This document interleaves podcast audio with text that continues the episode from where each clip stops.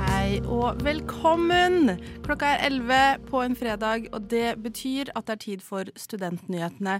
Og dette er jo den eh, timen i uka jeg gleder meg aller mest til. Og den jeg snakker om nå, det er jo meg, Selma Bull. Og det er jeg som skal lede dere gjennom den neste timen her på Radio Nova. Jeg skal ikke gjøre det alene. Jeg har med meg Sheila Ansari. Hallo. Hallo. Og på teknikken er det som vanlig Carl Magnus Olsen som er sjefen. Vi har ganske mye gøyalt vi skal snakke om i dag. Eh, Vi var jo på Svalbard tidligere i år, og vi skal høre litt om hvordan verdens nordligste samfunn er. Ja, og vi skal høre et utdrag fra ukens episode av Emneknaggen, hvor vi har fått besøk av Sofie Høgstøl. Eh, I juni kommer også kontroversielle Jordan Peterson til Oslo. Vi skal snakke litt om han og om konseptet no platforming. Og står vi foran en ny helsekrise? Vi har snakket med medisinstudenter ved UiO om fastlegekrisen. Det er altså bare å finne, finne seg til rette i godstolen, kanskje med en kopp kaffe, te, juice, melk eller hva du måtte ønske. Har dere Senterpartiet glemt studentene når dere skrev deres valgprogram for Oslo? Altså, mulig, men Studentnyhetene. Vi er nyhetsprogrammet av og med studenter. Hver fredag fra 11 til 12 på Radio Nova. Det har skjedd mye i nyhetsbildet denne uka, og du skal nå få høre de viktigste sakene.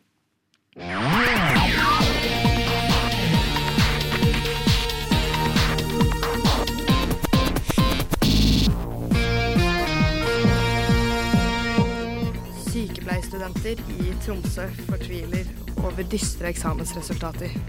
76 av 112 sykepleierstudenter ved Norges arktiske universitet strøk på eksamen i anatomi, fysiologi og biokjemi i april. Universitetet vil ikke gi dem et nytt forsøk. Som følge av krigen i Ukraina har ukrainske, russiske og hviterussiske studenter mulighet til å motta stipend som skal hjelpe de som er påvirket av krigen. Men den ukrainske politikeren Inna Sovsun ber Norge slutte å hjelpe russiske studenter. Sovsun har klagd på ordningen i et brev til Ola Borten Moe, opplyser Krono. Hver tiende student er blitt utsatt for rasisme på sitt lærested, viser en ny undersøkelse fra Universitas. Det kommer også frem i rapporten at 17 observert, har observert andre bli utsatt for rasisme. Forslaget om endring i universitets- og høyskoleloven har vært ute på høring fra departementet i løpet av sensommeren høst 2021, og forrige uke ble forslaget enstemmig vedtatt i Stortinget. Denne lovendringen sikrer studenter minimumsrettigheter i loven når det kommer til å ta permisjon fra studiene. Det var ukens nyhetsoppdatering, og mitt navn er Shil Ansari. Radio Nova er best. Alle andre er tapere. Radio Nova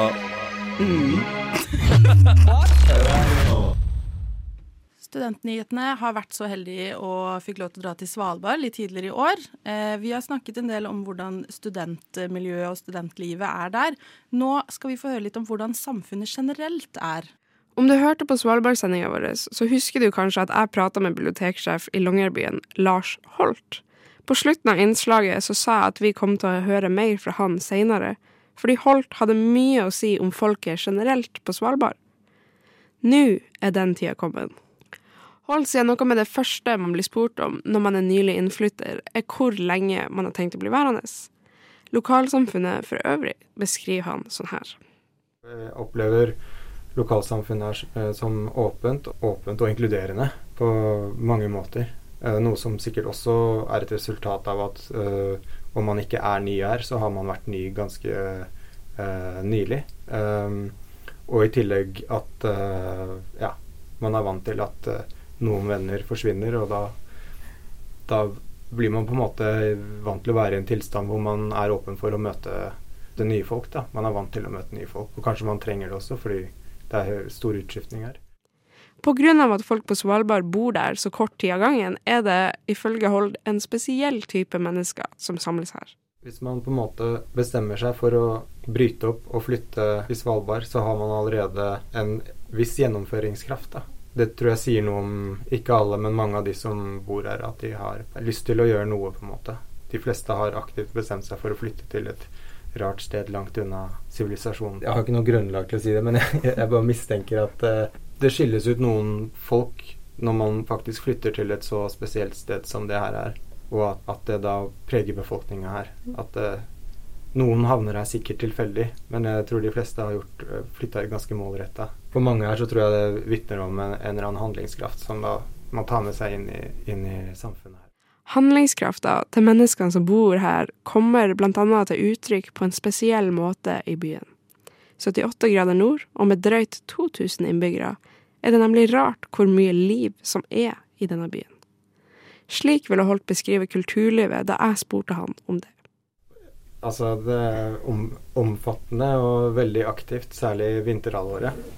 Jeg, det var noe av det som overraska meg mest da jeg flytta opp, var at uh, jeg tenkte det skulle være et uh, roligere byliv her. Men det er uh, Jeg tror folk som kommer opp, har behov for å gjøre ting, særlig i vinterhalvåret. Aller mest i mørketida.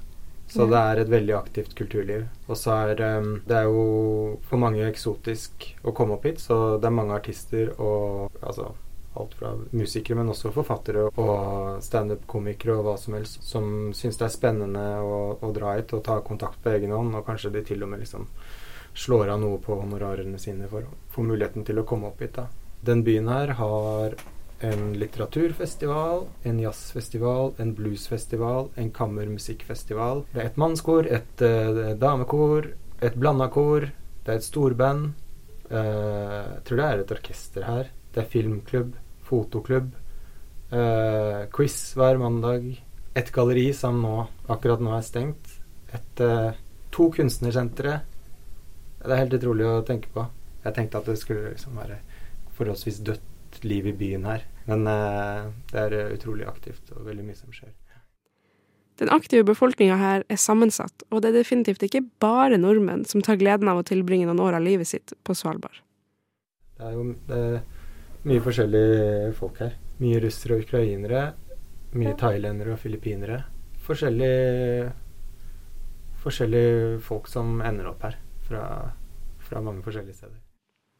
Av sin geografiske nærhet så hadde jeg alltid trodd at de fleste innflyttere på Svalbard hadde opprinnelse i Nord-Norge. Men på turen vi hadde til Longyearbyen, ble jeg overraska over hvor få nordlendinger jeg faktisk møtte. Min antydning er kanskje litt gammeldags, men Holt, han visste bedre. Jeg tror det var nærere tilknytta Nord-Norge tidligere, men uh, nå er det en god spredning. Det er, det er, faktisk litt spennende, men på Svalbard er det, er det ingen dialekt. Det er jo det er ganske fascinerende å tenke på. At det, alle andre steder i Norge snakker dialekt, mens her er det ikke noe.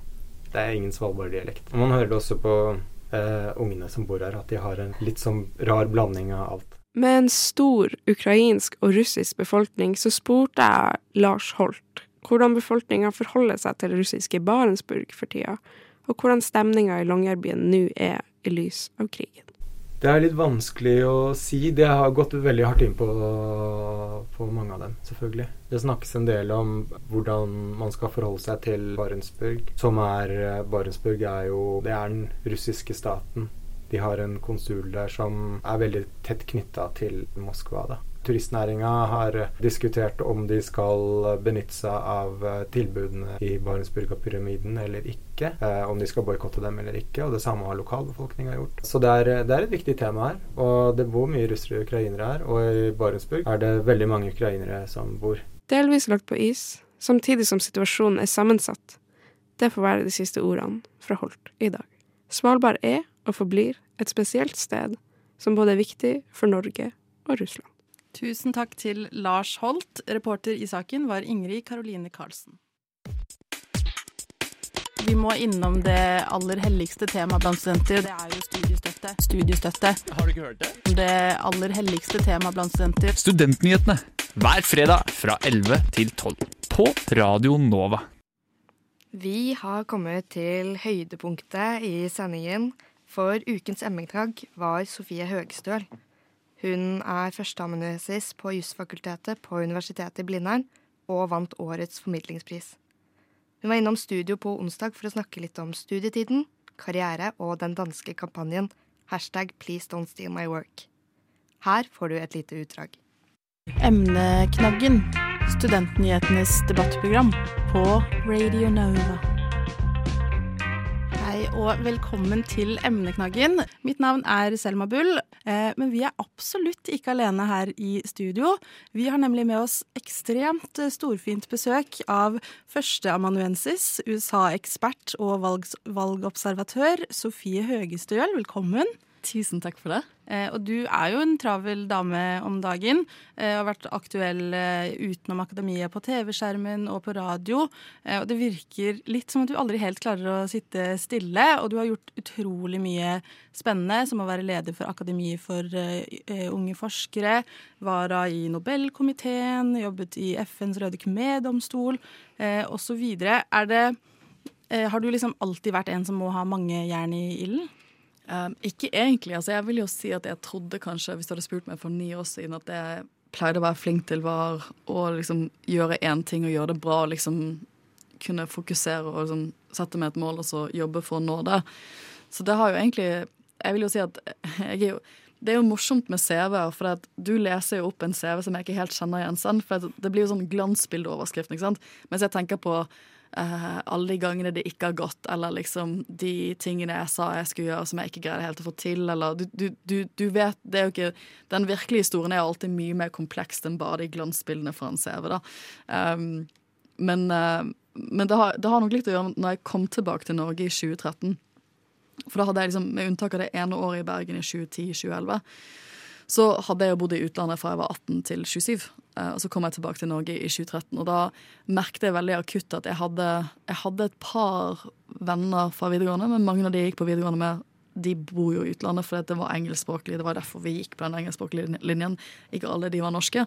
Så jeg kjente ikke så mange når jeg flyttet tilbake til Norge for ni år siden. Og det ble veldig klart for meg liksom, jeg var ikke i de riktige miljøene. Jeg kjente ikke så mange. Um, og jeg tenkte litt sånn nå må jeg faktisk jobbe litt med å integrere meg ordentlig i Norge igjen. Uh, og få meg venner og, og liksom um, Når du er stipendiat, så er det en fireårig midlertidig stilling. Og mens jeg gikk og ventet på doktorgradsstillingen min for ni år siden Det tok kjempelang tid. Uh, det tok ni måneder for den stillingen typisk akademia, så, så begynte jeg å søke på andre jobber, og de fikk jeg ikke. Jeg husker at jeg, som, jeg søkte på stillinger og tenkte sånn, dette må jeg være litt aktuell for. Fikk ikke intervju engang. Og så møtte jeg jo en del av de folkene som fikk de stillingene senere, og var sånn ja, hvordan, liksom, wow, for en spennende jobb, liksom. Hvordan fikk du den? Og så var det sånn ja, jeg var praktikant der, liksom. Så de kom til meg og sa at vi har en ledig stilling, og så fikk jeg den, liksom.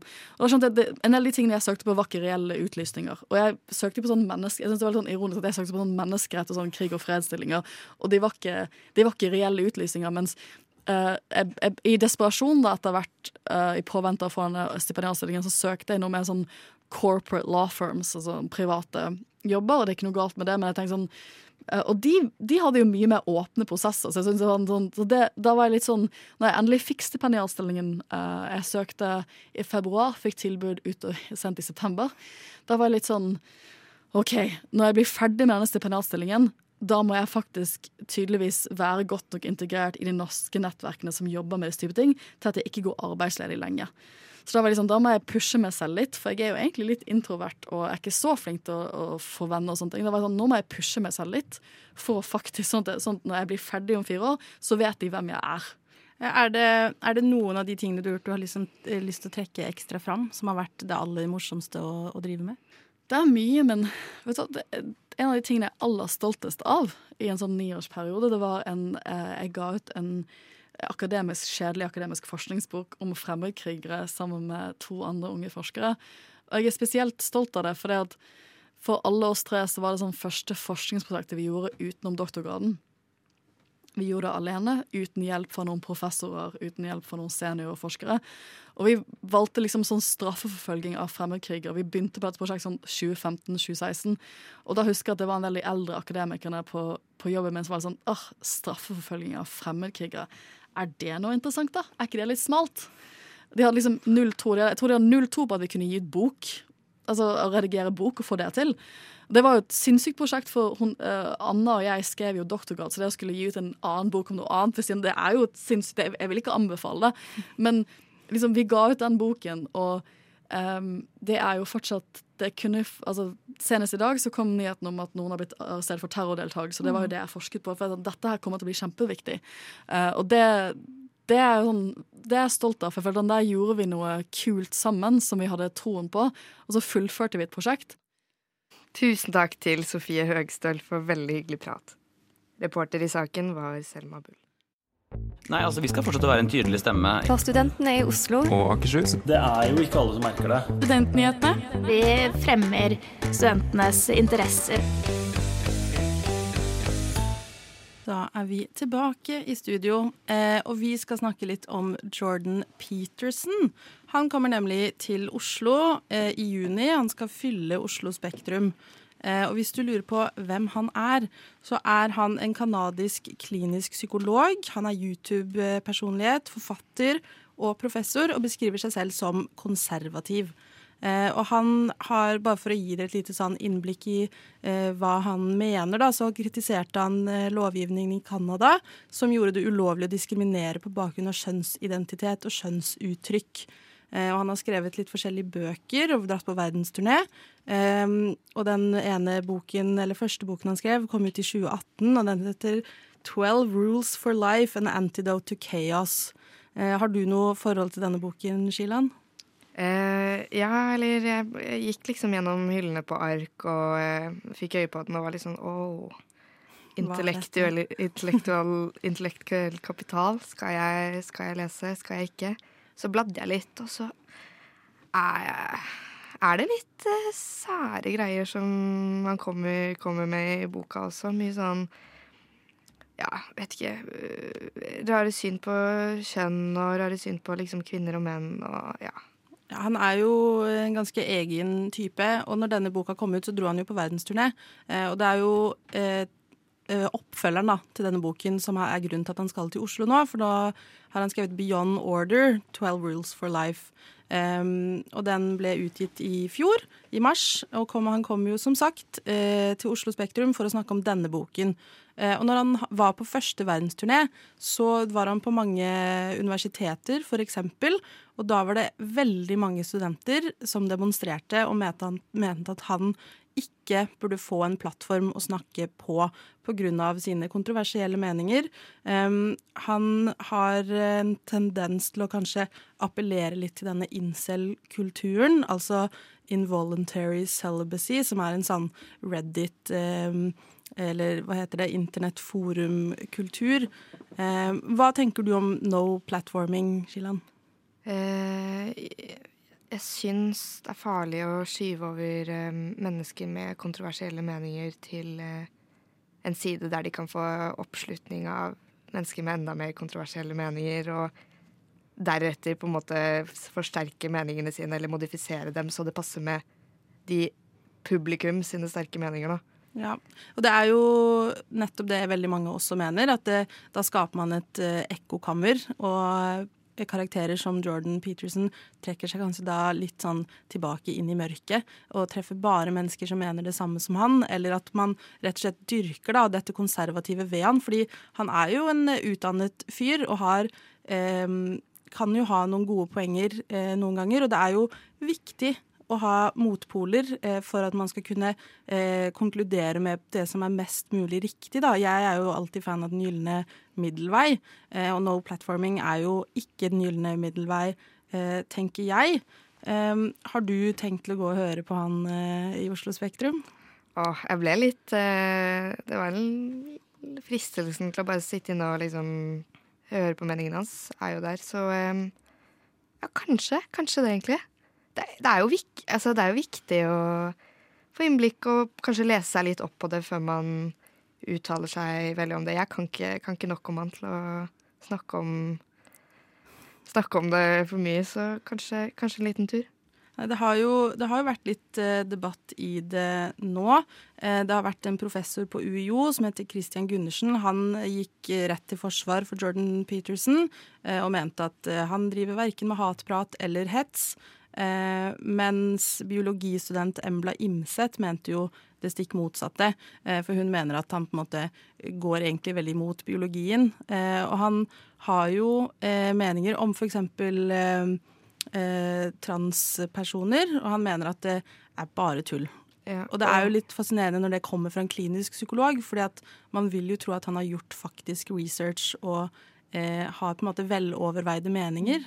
Ja, det er ofte han uttaler seg om, eh, om biologiske ting på en veldig sånn normativ måte, og liksom eh, ja, komme med fakta som kanskje ikke egentlig er eh, vitenskapelig bevist og velbegrunnet.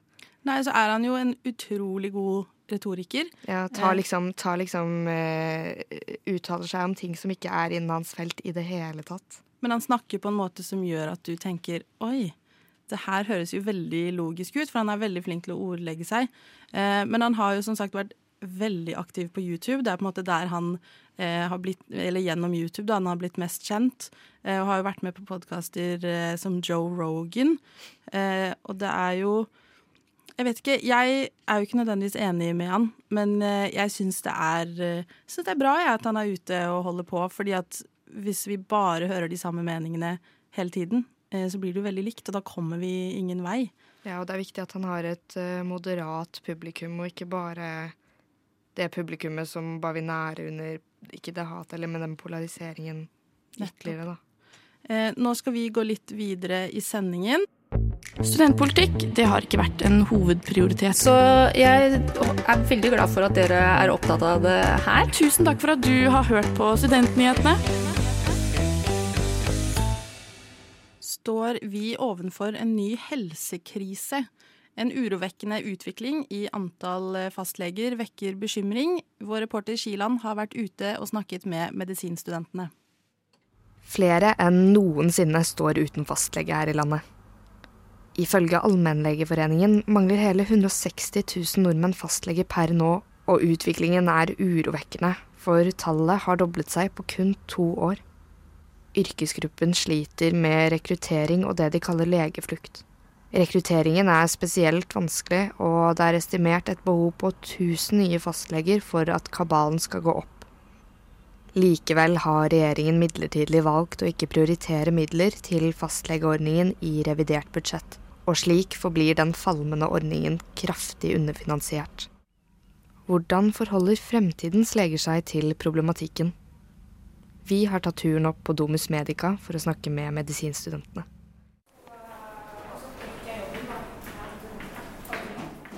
Kunne du tenkt deg å bli fastlege? Kunne du tenkt deg å bli fastlege? Kunne du tenkt deg å bli fastlege? Jeg har på en måte utelukket det nå, egentlig. Egentlig så handler det mye om at jeg syns det er eh, gøy Altså andre spesialiseringer virker mer interessante. Det er på en måte hovedgrunnen min.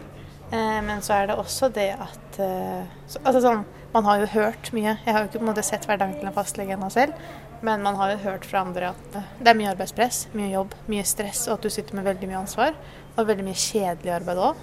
Eh, og det, det skremme deg litt vekk fra det. da. Til å, fra å vurdere. For det kunne kanskje vært eh, eh, kunne kanskje vært eh, noe jeg kunne vurdert, men da måtte jeg fått litt, litt dårlig rykte, nesten. Nei, egentlig ikke. Eh, mest fordi eh, jeg, har, jeg, jobber på et fastlegekontor ved siden av studiet, og så har jeg litt følelsen av at fastleger har blitt litt sånn sekretærer. At det er veldig mye sykemeldingsskriving, veldig mye sånn legeerklæringer. Og at man kanskje mister litt den der hvorfor man var fastlege in the first place. Jeg kjenner flere som ønsker det. Men akkurat sånn situasjonen er nå, så hører jeg folk utelukker det mer og mer. Andre er mer positive i spørsmålet om fastlegekarrieren og vektlegger en variert arbeidsdag blant andre aspekter som appellerer ved yrket. Jeg syns det virker som et veldig spennende yrke, og jeg har på en måte selv en far som også er fastlege. Så um, jeg føler at det er et yrke der man får veldig mye variasjon, da. Og det er derfor jeg kan tenkt meg å arbeide med. Ja, det kunne. Fordi jeg liker å møte forskjellige mennesker. Og så er det jobbing på dagtid. Og så er det ikke turnusarbeid, så man kan få fri eh, visse ferier og helligdager osv. Og, og så er det ulik, ulik dag fra hver dag. Ulike ting som kommer inn. Medisinstudentene har også meninger om hvordan ordningen kan styrkes. Eh, det er jo ofte sånn at Hvis man har vært innlagt på sykehus, så gir jo sykehus bare sykemelding for et par dager, og så blir det jo fortalt sånn OK, kontakt fastlegen din videre. Så det kunne jo vært et bedre samarbeid mellom sykehusene og fastlegeordningen, så kanskje de tok på seg litt mer av det papirarbeidet som må til, og at ikke bare alt blir lagt over på fastlegen. Da tror jeg at flere kunne tenkt seg å ha fastlege. For jeg, jeg, tror det er veldig spennende at du følger en person hele livet, og du får jo sikkert en veldig variert hverdag. Eh, men for min del så er det det derre papirkontorjobben, holdt jeg på å si, som taler litt imot, da. Ja, jeg tenker at det er jo noe som må løses politisk. Fordi det er paradoksalt nok eh, veldig få fastleger, og ekstremt mange i LIS1-kø. Så jeg tenker at det er et eller annet problem som løses på et høyere nivå. Allmennlegeforeningen går også politisk til verks, og på sine hjemmesider er budskapet tydelig og løsningen klar. Fastlegeordningen må reddes, men det må tas strukturelle grep for å sikre en bærekraftig fastlegeordning. Eksisterende fastleger må beholdes, og nye fastleger må rekrutteres.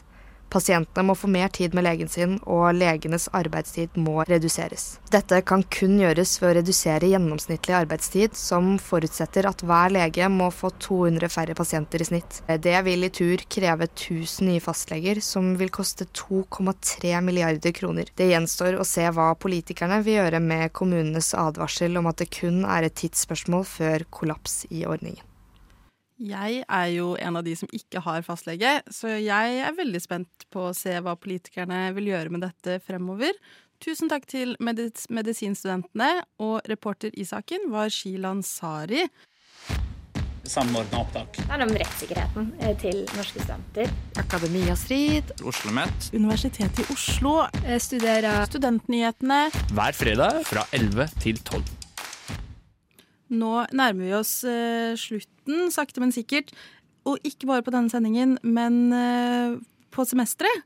Eller uh, ja, dette er siste Studentnyhetene-sendingen før høsten. så jeg tenkte at vi kan jo snakke litt om hva kan man gjøre i sommer. Hva, hva, skal du gjøre i sommer, Shilan? jeg skal gjøre mye rart i sommer, egentlig. jeg skal til på masse på ferie. Masse, masse, masse. Du reiser? Mm. Det er jo sikkert eh, ganske mange som skal reise i år, tipper jeg, siden eh, den lille pandemien vi har vært gjennom er så å si over. Eh, men hvis du fremdeles ikke har lagt noen planer, og kanskje ikke har lyst til å bruke så sykt mye penger på å reise, så er det jo masse gøy man kan gjøre. Har du noen, har du noen tips? Ja, man kan dra på norgesferie om du ikke får tak i pass. ja, det òg er jo noe man må forholde seg til. Eh, ja, interrail. Eh, enveis, enveisbillett til et eller annet land i Europa, så bare sette av gårde, egentlig. Jeg har veldig lyst til å eh, slå et slag for eh, Den norske turistforening, eh, egentlig. For de har kjempemasse hytter rundt omkring i Norge som man kan leie sykt billig. Eh, så man kan jo gå inn på nettsiden og se hvor de har hytter finne ut OK, shit, der kan vi være en helg. Eh, du kan risikere at det kommer andre mennesker eh, på dagen, eh, men de må dra på kvelden, for da har du booka. Jeg er jo også veldig glad i å gå tur. Men jeg er ikke sånn friluftsperson per se, så man trenger jo ikke å gå topptur for å så telte der oppe. Man kan ta buss et sted, gå ja, en halvtime inn i skogen og finne et vann og legge seg der. Hva tenker du om det? Eh, ja, om du ikke er friluftsperson, så er jeg eh, enda mindre friluftsperson. Så ja, en, en sånn superkoselig, optimal sommerdag for meg er bare å ta ferja ut i en av øyene og bare ligge der og kulen i en dag, egentlig. Ja, og ja. det er jo også et veldig godt tips eh, for de som skal være her i Oslo i sommer. For Oslo-sommer er jo en Den beste sommeren. Ja, det er jo virkelig det. Og det er så sinnssykt mye man kan gjøre. Eh, og jeg tenker at bare det å kulen gå på kaféhopping syns jeg er kjempegøy. Ha med seg en bok eller bare høre på musikk eller henge med venner på kafeer rundt omkring.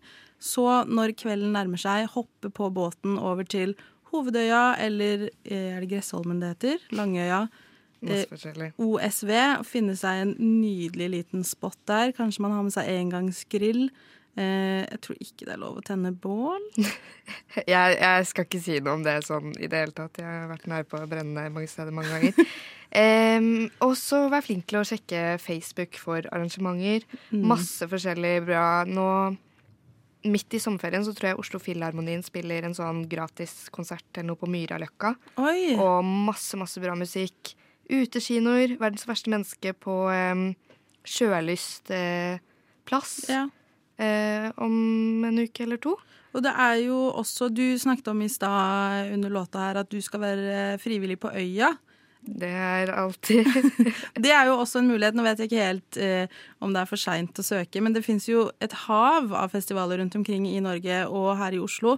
Og det er alltids en mulighet å være frivillig. og Da får du på en måte være på festivalen gratis, mot at du selvfølgelig jobber litt.